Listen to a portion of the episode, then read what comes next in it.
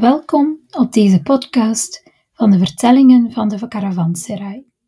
In deze opname horen jullie enkele fragmenten uit het audioboek, die inzicht geven in de Caravanserai en de rol die deze plek inneemt in de oude verhalen.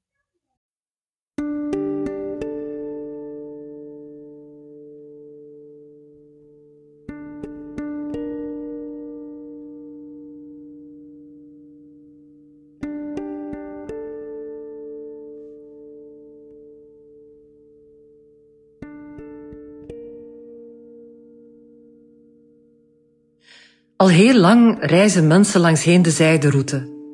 Kamelen, zwaar beladen met rollen zijde en zakken vol geurige kruiden, trokken vroeger in karavanen door woestijnen, van stad naar stad, van land naar land, over bergen, langs rivieren met welig groen. Karavanen hielden halt op een speciale plek daartoe bestemd, de Caravanserai. Daar konden de kamelen rusten en hun begeleiders proeven van lekkere verse dadels, granaatappels en appelsientjes. Een van die grote steden was Merv.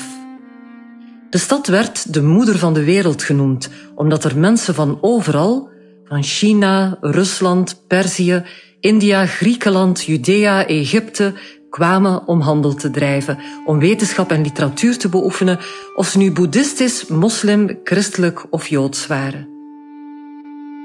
Het was een vredelievende en welvarende stad in een machtig rijk in Azië. Op een dag bracht een geneesheer een boek uit India mee, vol verhalen geschreven in het Sanskriet, een beetje het Engels van die tijd. De koning kocht dat boek, Panchatantra, voor zijn bibliotheek en liet de verhalen voor hemzelf en voor de reizigers vertalen in het Perzisch, het Arabisch, het Aramees en het Hebreeuws. Vertellers voerden ze met veel verbeelding op in deze stad van fonteinen en rozen. Maar de vredige stad van zoveel talen en verhalen werd in 1221 door de zoon van Genghis Khan verwoest. Of toch niet? Er zijn nog enkele van die caravanserais overgebleven. In een van die oude caravanserais woonde een wijze, gracieuze vrouw, Sima, helemaal alleen. In de wijde omgeving van de caravanserai was er niets, enkel woestijn. Eigenlijk een woestenij. Het was er heet en vooral droog. Maar zij wist waar er water in de bergen schuilde en hoe het naar haar plek kon vloeien. Ze had een kanat, een ondergronds kanaal gevonden. Dat dateerde uit de oude tijd van de zijderoute. Toen lag haar caravanserai midden in die oude stad van fonteinen en bloemen, van markten vol wonderbaarlijk goed, rijke bibliotheken en drukke theaters waar kinderen speelden. Ze had ervan gedroomd om weer zo'n paradijsje te maken, en het was haar toch een beetje gelukt. Het kanaal had ze helemaal proper gemaakt en het water had ze weer ondergronds laten vloeien naar haar oase van groen. Overdag onderhield ze de tuin voor groente en fruit, maar ook voor rozen. Genoot ze van het frisse water in de schaduw van de bomen en s'nachts, als het begon af te koelen, sliep ze het liefst onder de volle sterrenhemel.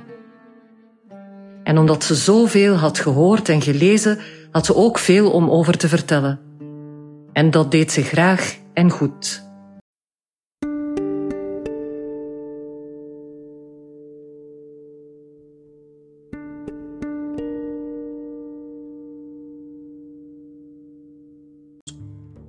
Hij genoot van zijn tocht.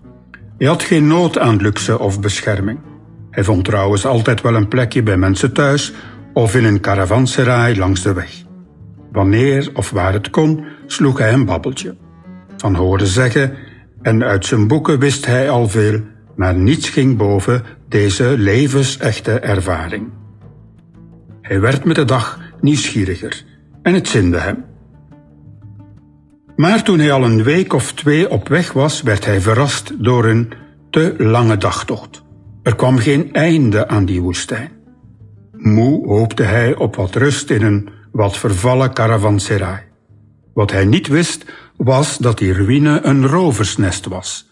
Al voordien waren daar andere mensen, ook ten einde raad, het slachtoffer geworden van dieven.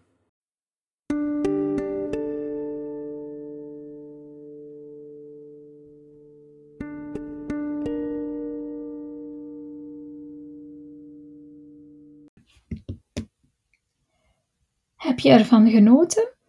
Je vindt meer in de volgende afleveringen van deze podcast en ook op onze website www.storiesthatmakeus.eu. Hier vind je ook hoe je het boek kan kopen. Tot volgende keer.